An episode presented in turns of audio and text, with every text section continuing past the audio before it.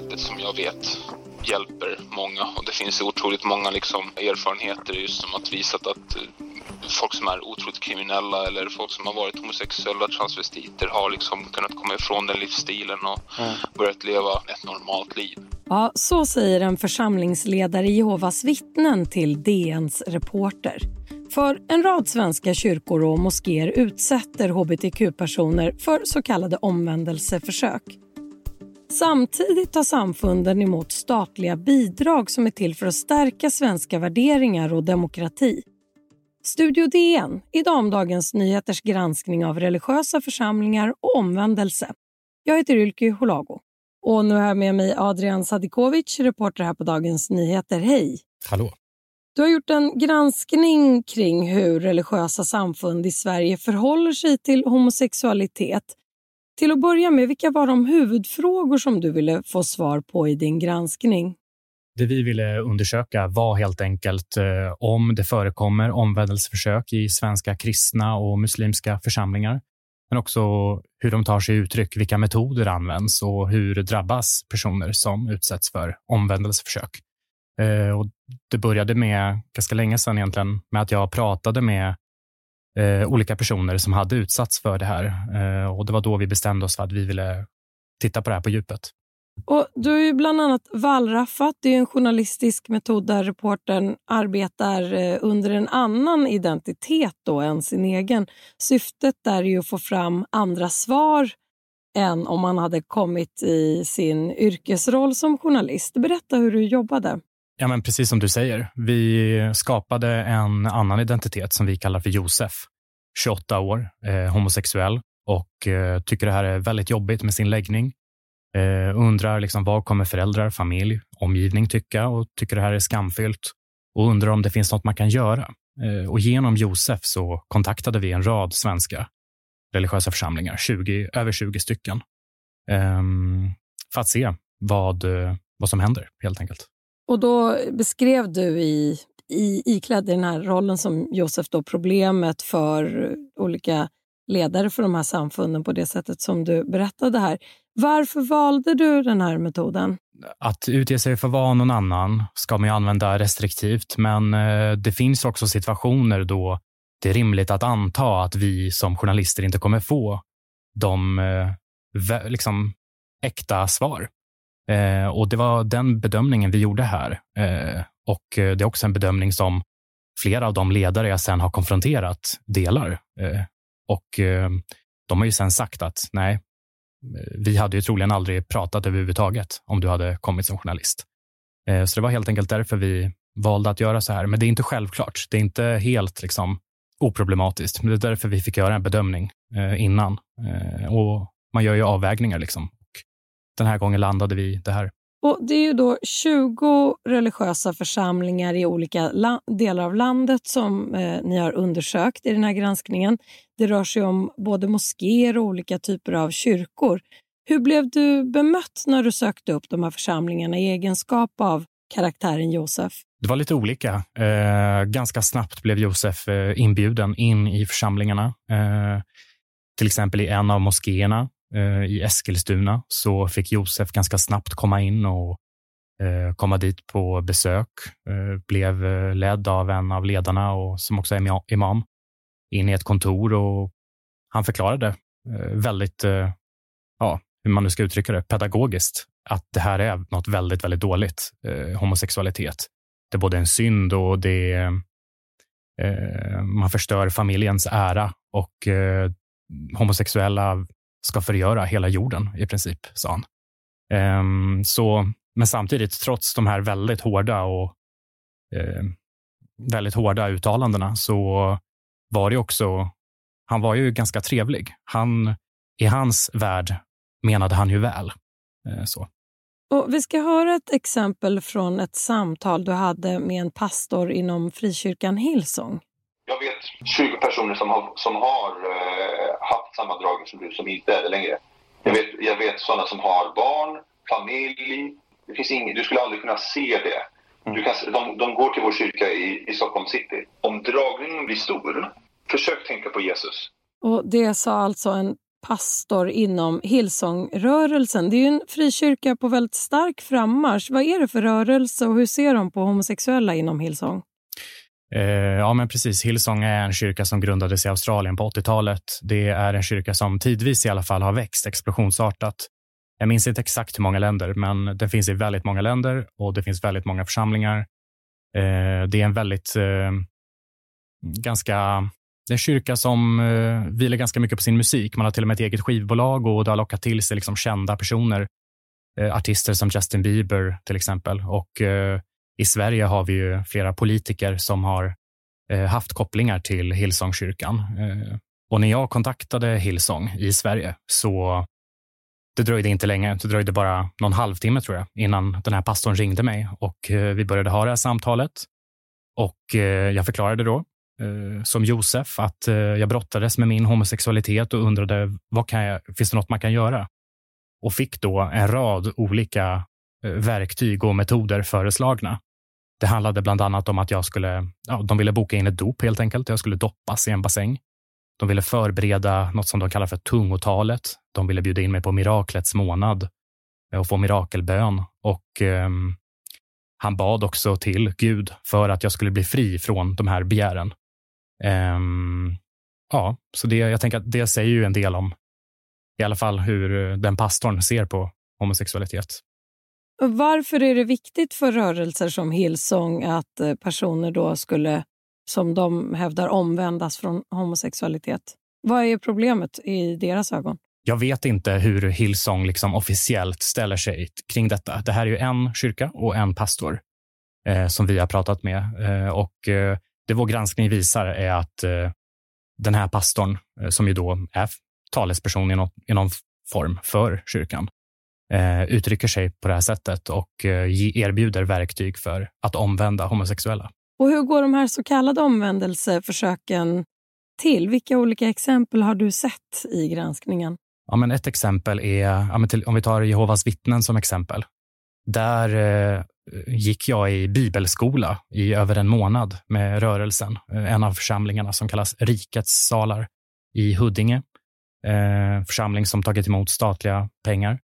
Och eh, bibelskolan är ett verktyg enligt eh, den äldsten. De har inga pastorer, så de kallas äldsten. Enligt den äldsten så används bibelskolan som ett eh, verktyg för att arbeta bort homosexuella känslor. De gav mig också jag skulle lä de föreslog att jag skulle läsa vittnesmål de har internt i sina, sitt studiematerial. Eh, homosexuella som har förändrats och som har eh, Eh, lyckats omvändas eh, genom att ändra på sin personlighet, sitt utseende, ta hjälp av församlingsmedlemmar. Och, ehm, sen senare var jag också med vid så kallade vakttornstudier som det kallas. Det är när församlingarna samlas i rikets sal och för gemensamma studier. Och där visade de faktiskt en bild på en regnbågsflagga eh, och pratade om att man måste avrätta den gamla personligheten och döda den för att bli en ny människa som har lämnat dumheter, till exempel då regnbågsflaggan. Med på bilden fanns också alkohol och cigaretter och så. Ehm, det är så de ser på det helt enkelt. Och I din eh, artikel i Dagens Nyheter kan man se en eh, avbild på den här bilden när en person går bort från att ha kastat en regnbågsflagga bakom sig. Mm. Vad är det samfunden menar är problemet med att vara den man är som hbtq-person? När, eh, alltså I Bibeln så står det ju att äktenskapet är mellan en man och en kvinna. Och de följer Bibeln och eh, tycker så. Och eh, de menar att det är en synd eh, att vara homosexuell. Eh, eller framförallt att eh, agera på sin homosexualitet, det är en synd. Eh, så det, det är så de ser på det och samma sak med, med islam. Vi ska ta en kort paus och sen tala vidare om hur svenska religiösa församlingar utsätter hbtq-personer för så kallade omvändelseförsök.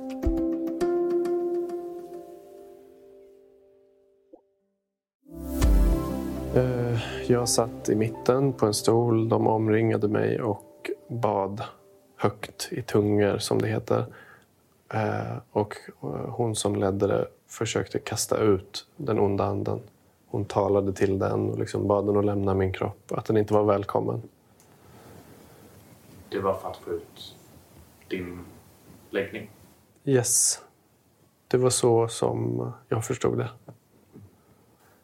Det funkade inte. Ja, det säger Isak Eliasson om den demonutdrivning mot homosexualitet som han har upplevt på en frikyrka i Örebro. Du lyssnar på Studio DN, idag om svenska religiösa församlingars syn på homosexualitet.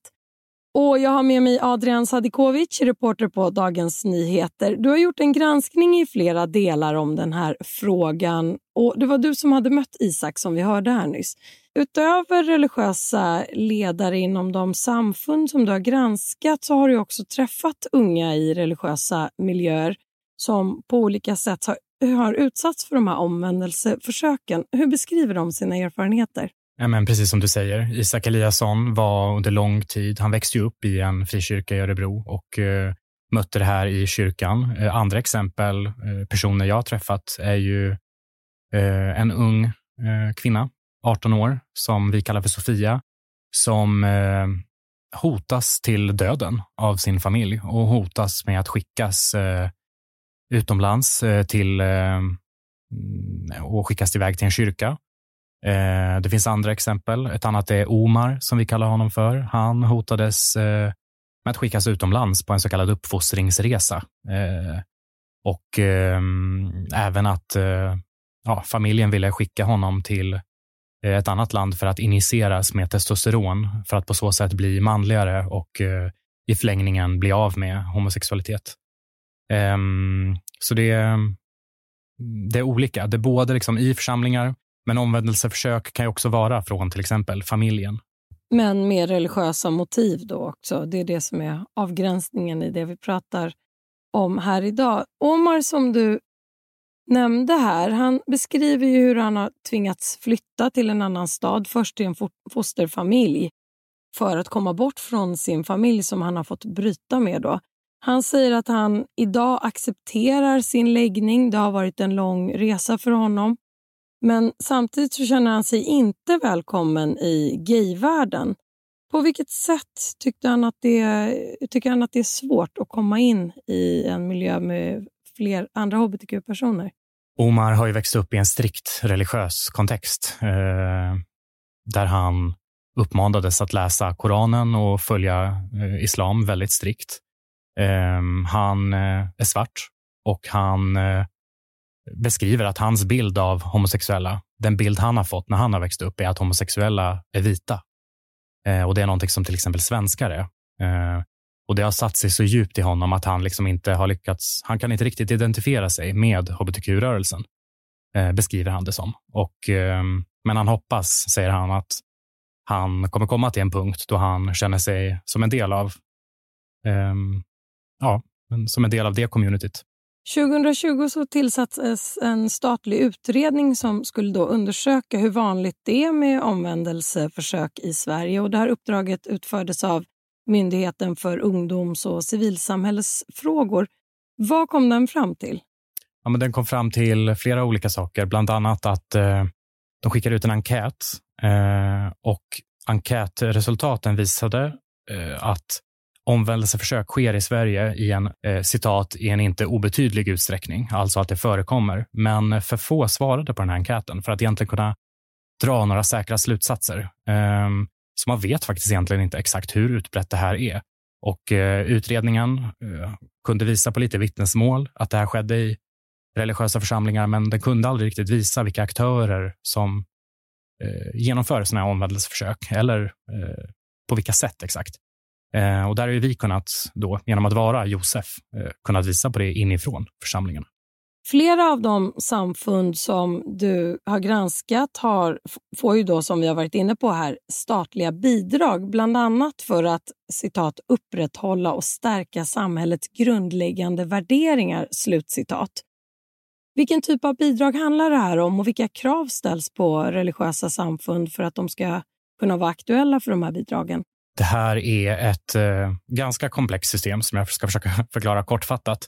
Det är en lag eh, som har funnits i nästan två decennier som reglerar det här. Och Det finns två formella krav för att få statliga bidrag som ett trossamfund. Eh, och det, är, det ena är att samfundet ska vara livskraftigt och kunna liksom bära sig självt. Eh, det andra kravet är att man upprätthåller och stärker samhällets grundläggande värderingar, precis som du sa. Eh, men exakt vad det betyder är det väldigt få som vet. Eh, inte ens liksom experter på myndigheter eller eh, regeringskansliet kan förklara vad det egentligen betyder. Ehm, och Det är för att lagen är så luddigt formulerad. Eh, så som det ser ut idag så går eh, statliga bidrag till samfund som, som vi då kan visa genomför omvändelseförsök. Och hur har samfunden levt upp till de här kraven utifrån vad din granskning har visat? Vi kommer att återkomma till det eh, i den här granskningen där vi kommer kunna visa på eh, hur eh, myndigheter inte riktigt har tittat på den här frågan. Eh, vi kommer kunna visa hur det här systemet brister. Eh, men exakt hur de har bidragit till att upprätthålla och stärka svenska grundläggande värderingar, det, ja, det får de som prövar frågan svara på. Eh, vi kan ju visa då att en rad svenska församlingar vill omvända homosexuella. Och slutligen, vad händer i den här frågan nu? Eh, regeringen har lagt fram ett förslag eh, som ska se till att de här eh, statliga bidragen till trossamfund ska hårdare regleras. Kraven ska förtydligas. Vad är det egentligen som krävs? Vad betyder det här? Samhällets grundläggande värderingar. Och eh, i förslaget eh, så nämns faktiskt just omvändelseterapi som en sån sak som ska eh, vara ett tydligt avsteg från detta och därmed göra att man inte ska ha rätt till bidrag. Men om det här går igenom i riksdagen, det återstår att se. Dagens Nyheter har publicerat de första delarna i din serie av eh, granskningar i den här frågan. Vad har du fått för reaktioner här innan vi avslutar bara? När vi spelar in det här så har det inte gått så lång tid. Vi har publicerat första delen.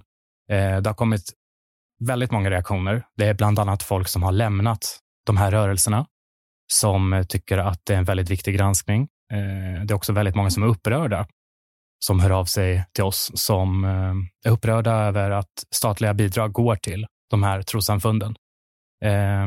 Och så har också hört av sig ett antal politiska partier. Jag har inte riktigt hunnit prata med dem än, men vi ska se vad, vad de säger helt enkelt. Vi fortsätter följa frågan. För den här gången, tack så mycket Adrian Sadikovic, reporter här på Dagens Nyheter.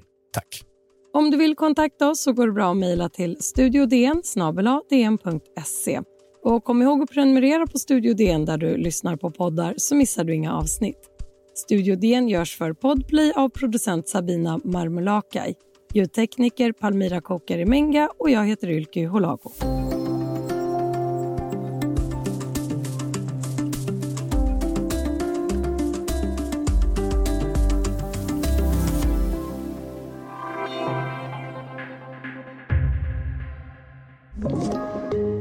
Podplay.